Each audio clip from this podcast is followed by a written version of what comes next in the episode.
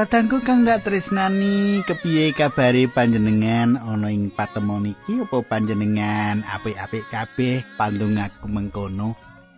Nah kadangku dek wingi aku etuk tamu saka adoh saka Jakarta Adi Gusti. Neritakake pelatusan-pelatusan ana Jakarta. Wah nuju papan pelayanan siji lan sijine sinadyan ketoke cerak ning nondalan entek wektune marga macet. Awake kesel kabeh teko ing papan wis telat lan iku ndadekke strese. Mangkono ya. Pelayanan nang ngendi-endi ana apa kuwi ana apa jenenge susahe ana senenge mangkono ya. Ana radio kok kala-kala ya ana susahe ana senenge nek pas wektune aku kudu sowan panjenengan ke awakku rada ora kepenak. Iku yo ndadekke ora kepenak. Ya wae wegah-wegah ngono nah.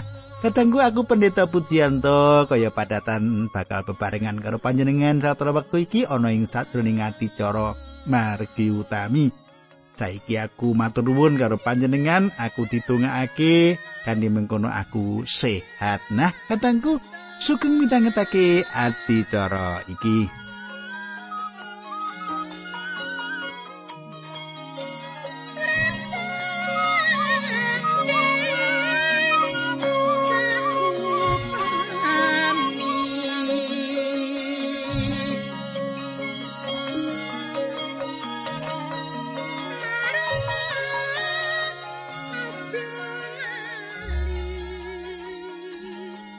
Kadangku kang tak tresnani.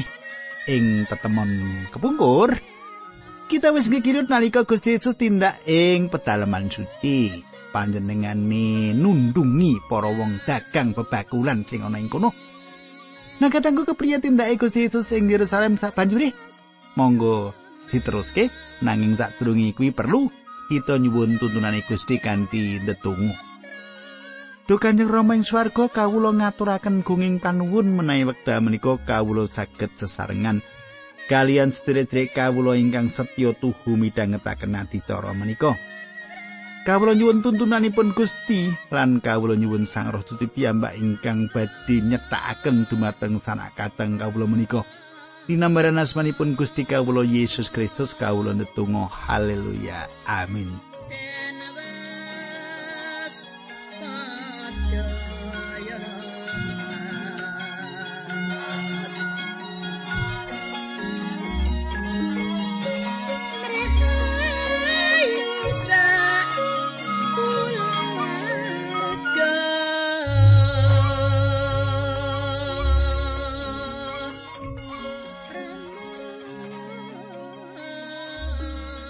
Katangku kang dak tresnani ing patemon kita iki, kita bakal sinau naliti kanthi permati ing Injil Lukas pasar 20 ya, pasar 20. Nek panjenengan wis nyawisake kitab suci becik menawa dibuka ing pasar 20 utawa bab 20 Injil Lukas. Aku matake ing basa pedinan aja lali ya basa pedinan supaya bisa dingerti mengkono. Saiki tak wacake Lukas 20 ayat 1 nganti telu. Mengkene surasane. Sawijining dina Gusti Yesus memulang martakake Injil marang wong akeh ana ing pedalaman Allah.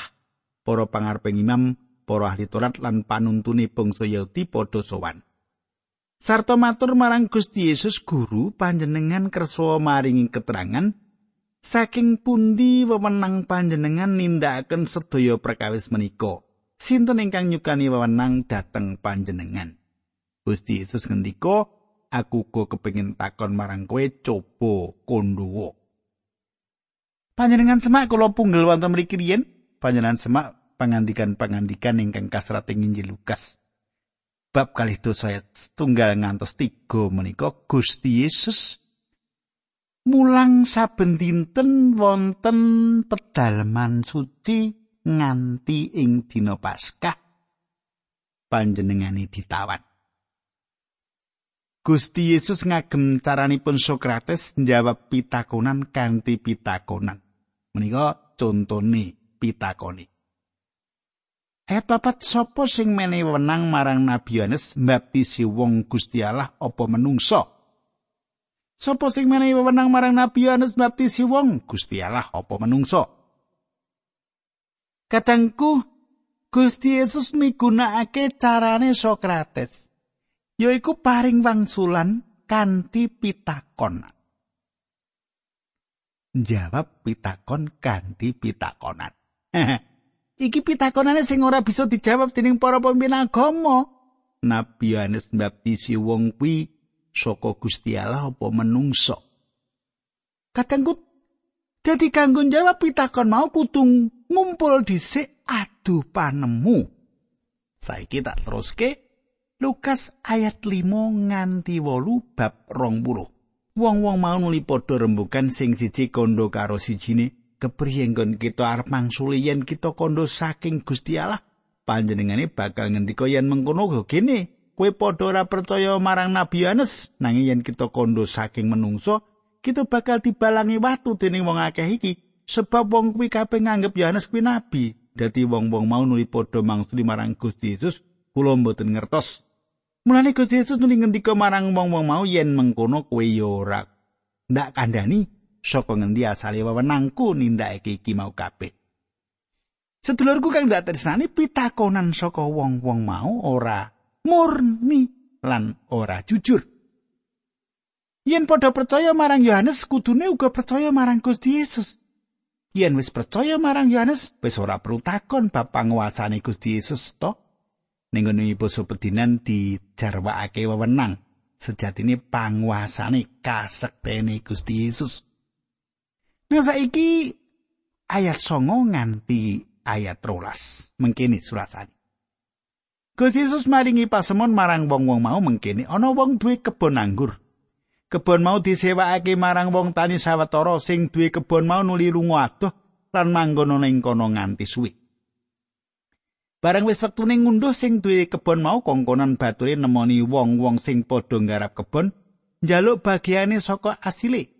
nanging wong sing dikongkon mau dipentungi dening wong sing padha nggarap lan kongkonan kuwi bali tanpa nggawa apa-apa. Ayat 11 lan 12. Wong sing duwe kebon mau banjur kongkonan meneh batur liyane nanging kongkonan kuwi ya dipentungi, disepelekake lan disewenang-wenang dening para penggarap lan dikon bali tanpa nggawa apa-apa. Sing duwe kebon mau kongkonan batur meneh sing kaping telune nanging kongkonan kuwi uga dipentungi nuli dibuang ing sakjabane kebon. Becik tak terus kewe ayat telulas nganti ayat 16 yo. Ayat telulas. Pungkasane sing duwe kebon mau mikir saiki becike kepriye aku ndak kongkonan anakku dhewe sing ndak kasihi. Mesine wong-wong kuwi bakal padha ering marang anakku. Nanging tan kota apa bareng para penggarap mau weruh anake sing duwe kebon teko, nuli padha sarembuk mengkene anake sing duwe kebon iki becike dipateni wae supaya kita oleh warisani wong-wong mau nuli nyeret anake sing duwe kebon mau ana ing sakjabane kebon nuli dipateni Gusti Yesus nuli ndangu marang wong-wong sing lagi padha ngrungokake saiki para penggarap mau bakal dikapake dening wong sing duwe kebon Ayat 16 wis mesti wong sing duwe kebon anggur bakal teko lan numpes para penggarap sarta nyewakake kebon angguri marang wong liya. Bareng krungu pangandikane Gusti Yesus mengkono mau wong sing padha ngrungokake nuli padha matur ingkang makaten menika mboten badhe kelampahan. Kadangku kang ndak tresnani, coba panjenengan kateaki. Sing duwe kebon anggur iku ngongkon bature kanggo ndeleng kepriye? Nggone padha nggarap kebon anggur mau, saben teko kanggo ndeleng bature sing duwe kebon anggur mau mesti dipiloro. Gusti Allah ngirimake para nabine nanging tansah ditolak dening Israel. Malah ana sing dibenturi watu nganti padha mati. Pungkasane Allah ngutus putrane. Gusti Yesus Kristus. Gusti Yesus ngendika bab kahanane para pemimpin agama kanthi cetha lan bener. Atine, pikirane kabeh dingendikake. Wong-wong arep nyalip Gusti Yesus lan Allah Sang Rama ngeparengake. Saiki coba panjenengan semak ayat pitulas. Gusti Yesus mirsani marang wong-wong mau sarta ngendika yen mangkono apa tegese ayat iki. Watu sing ditampik diring para ahli gawe omah mergo dianggep ora ana gunane jebul kuwi watu sing ketitik becik dhewe. Ayat iki Gusti Yesus ngendika yen wong-wong mau kabeh bakal nyalip panjenengani nanging ora bakal bisa mbatalake kersane Allah. Watu sing disingkang-singkang disia-sia malah bakal dadi watu tetares. Iki jawaban sing nyoto saka weca sing wis diucapake nabi lan pungkasane Gusti Yesus.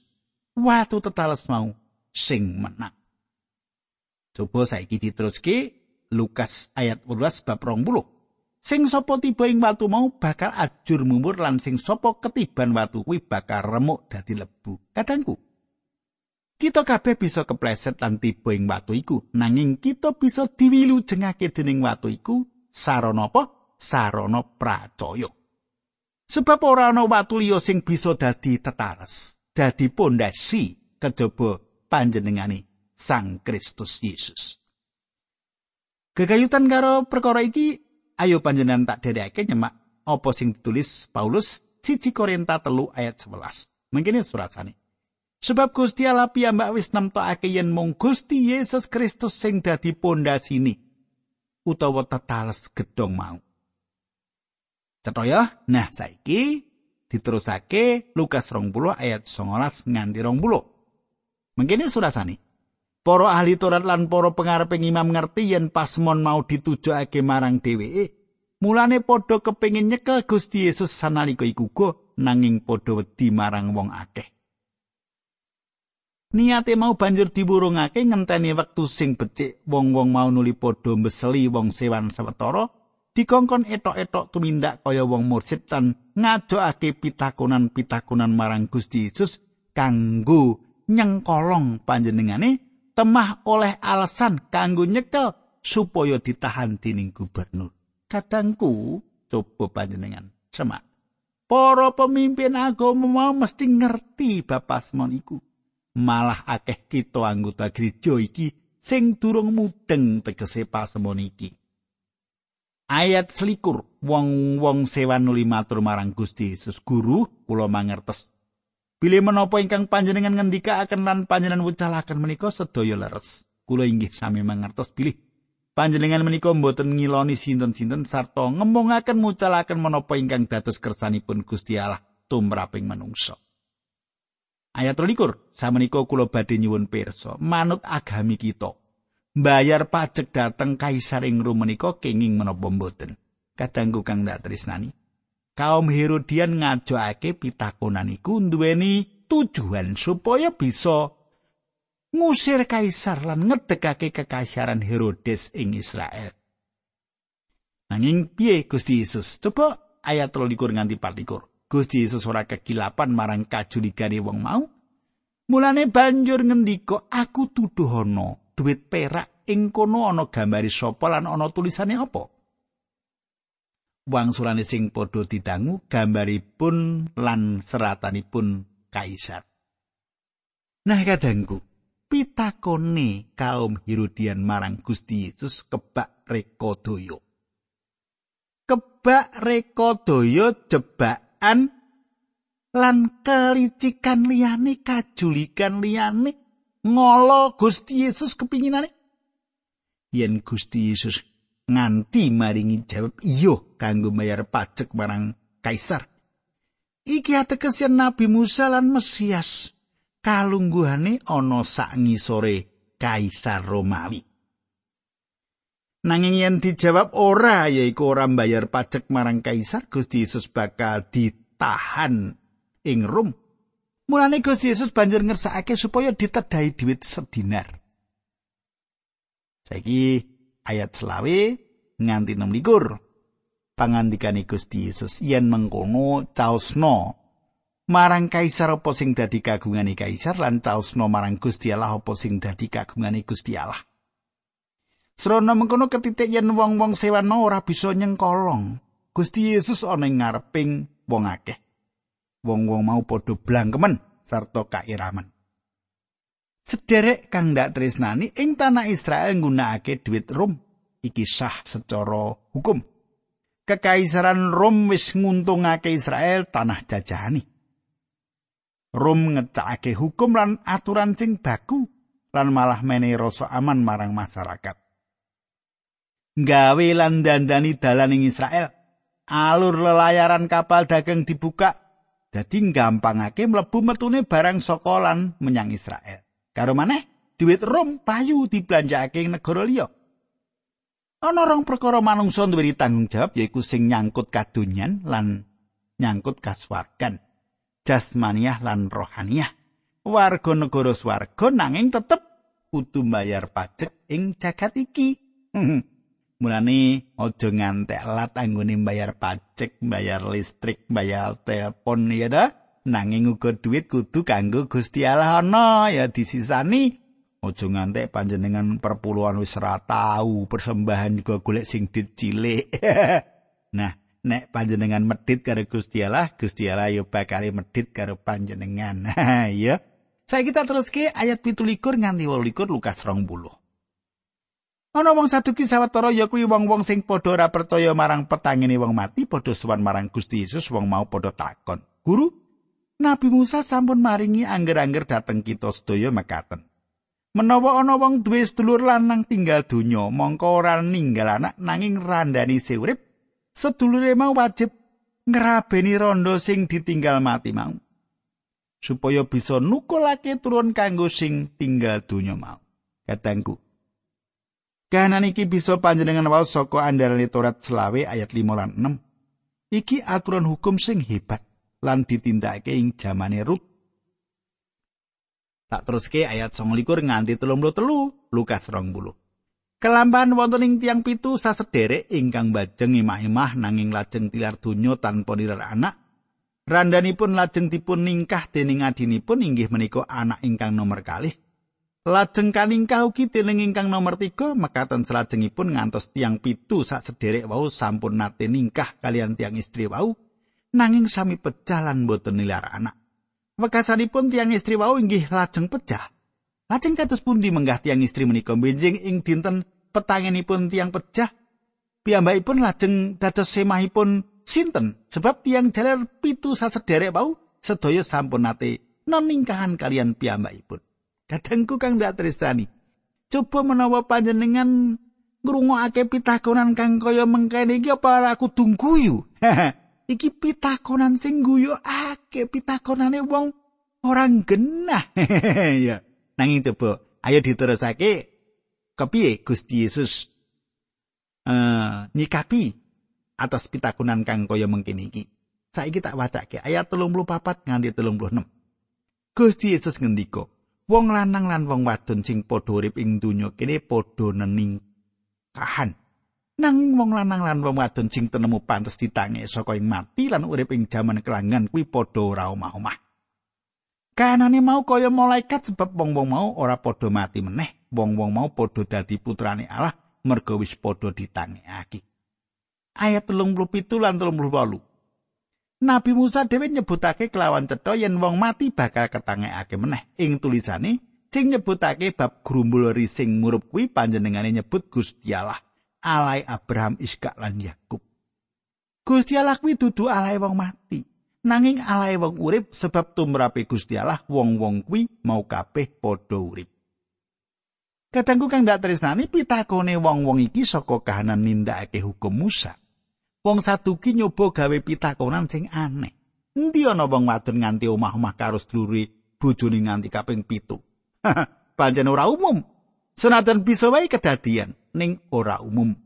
Ing wektu iki akeh conto wong sing bola-bali ningkah. Tok mis gampang kempencut wong wadon sing ora bojone. Ora duwe pikiran besuke kepiye. Besuke nek wis mati iki kepiye. Paham saduki wis ana ing taun 300 sadurunge Gusti Yesus miyos. Para imam lan sing karem politik biasane saka wong saduki. Wong-wong saduki rata-rata sugih lan rada nonjol. Wong saduki ora percaya marang mukjizat. Wong saduki terus tindakake koreksi lan ngilangi apa sing dianggap aneh. Sing dianggap ora tinemu nalar. Sing dianggap supranatural. Wong saduki ora ngandel yen kitab suci iki isine kabeh bener. mesti ana klerune ngono pahame wong saduki kaya ana empere paham saduki lan paham liberal ing jaman saiki liberalisme wis nyata-nyata ninggalake kekristenan malah tau ana gerakane sing kena diarani wangkot keras kepala nindakake kegiatan ing sakjabaning gereja. Kadangku, wong-wong iki ora klebu golongane wong percaya. Iki kalebu kaum sing mangu-mangu nek basa kalane skeptis. Golongan satu iki mungsuh bebuyatane tumrap Gusti lan wong-wong iki sing nindakake panganiaya marang wong-wong Kristen wiwitan. Wong saduki akeh sing padha dadi pemimpin sing malah uga mimpin panganiaya marang Gusti Yesus. Sawise Gusti Yesus disedani, wong-wong Parisi ngindal ngedoh saka wong saduki. Malah ora nyetujoni panganiaya marang Gusti Yesus dalah para pandhereke. Ana sawetara wong Parisi sing banjur dadi Kristen. Wungune Gusti Yesus saka sedo iki sawijining ujian kanggo wong saduki lan uga kanggo paham liberal. Wong-wong iki padha ora percaya anane tangi saka pati. Ora ana siji wae critane ing kitab suci yen wong saduki iku mertobat. ing para rasul nritakake mangkene coba panjenengan semak lelampahane para rasul lalakone para rasul bab 6 ayat pitu kaya mengkono pangandikane Gusti Allah tetep saya semebar lan cacahe para murid ing Yerusalem saya mundhak akeh uga akeh imam-imam sing padha percaya kadangku akeh imam sing padha dadi wong percaya nanging ora ana siji wae wong saduki sing bertobat Pacoban gede bisa kedadian yen enggone khotbah isine minggirake kayektene Injil. Apa manah yen juru khotbah iki misuwur ing ngendi Yudas ngedol Gustine, Petrus tau nyingkur lan lan ngungkurake gurune. Nanging banjur bali percaya lan tresnani Gustine. Yen ana wong sing mung kepengin misuwur kanthi ngedol asmane Yesus, mesti wong iku ora bakal bali menehi ngarsane. Lan wong satuki sing terus ndadekake Injil mungsuhe. Wong saduki mungsuh sing paling nista tumrap Injil Yesus Kristus. Tak terus bab 20 ayat 39 nganti patang puluh pitu. Mengkini surasani. Telung puluh songo nganti patang puluh pitu. Ono para ahli turat sawatara sing matur, wangsulan panjenengan menika sae sanget guru. Sebab wong-wong mau wis ora wani takon apa-apa meneh marang Gusti Yesus. Gusti Yesus ndangu marang wong-wong mau, kepriye dene wong kok bisa ngarani Sang Kristus kuwi tedhake Sang Prabu Daud? Mongko Sang Prabu Daud dhewe ana ing kitab Mazmur ngendika mengkini, "Dawe pangeran marang Gustiku, sira lenggau ana ing tengenku." Nganti tekan wektune mung suwe padha ndak telokake marang kowe. Menawa Sang Prabu Daud nyebut panjenengane Gusti, kepriye dene Sang Mesias kuwi uga dadi tedhake? Nalika wong kabeh isih padha ngrungokake Gusti Yesus ngendika marang sekabati, padha diawas karo para ahli Taurat. Wong-wong kuwi padha seneng nganggo jubah landung lan seneng dihormati dening wong-wong ana ing pasar-pasar.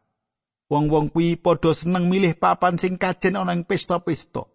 Wong-wong iki padha ngrampas omahe rondo-rondo, banjur mamerake kamursitane srana ndedonga nganti suwe banget. Wong-wong mau mesti bakal dihukum luwih dening abet. Kadangku Gusti Yesus maringi piulang kanthi miyose saka perawan Maryam lan iki nyata yen Yesus putrane Allah Gusti Yesus ora mung disebut putrane Daud nanging Gusti Yesus Kristus iku putrane Allah. Saka pangandikan iki mau? Nah semene dhisik aturku monggo ndak derekake ndedonga kanggo nutup patemon kita marga wektune wis ora nyandak Kanjeng Rama ing swarga kawula ngaturaken kenging panuwun menawi wekdal menika kawula saged midhangetaken sabda pangandikan paduka. Kawula nyuwun supados Gusti mitulungi Gusti nuntuni kawula. Dinambaran asmanipun Gusti Yesus Kristus kawula nedonga haleluya amin.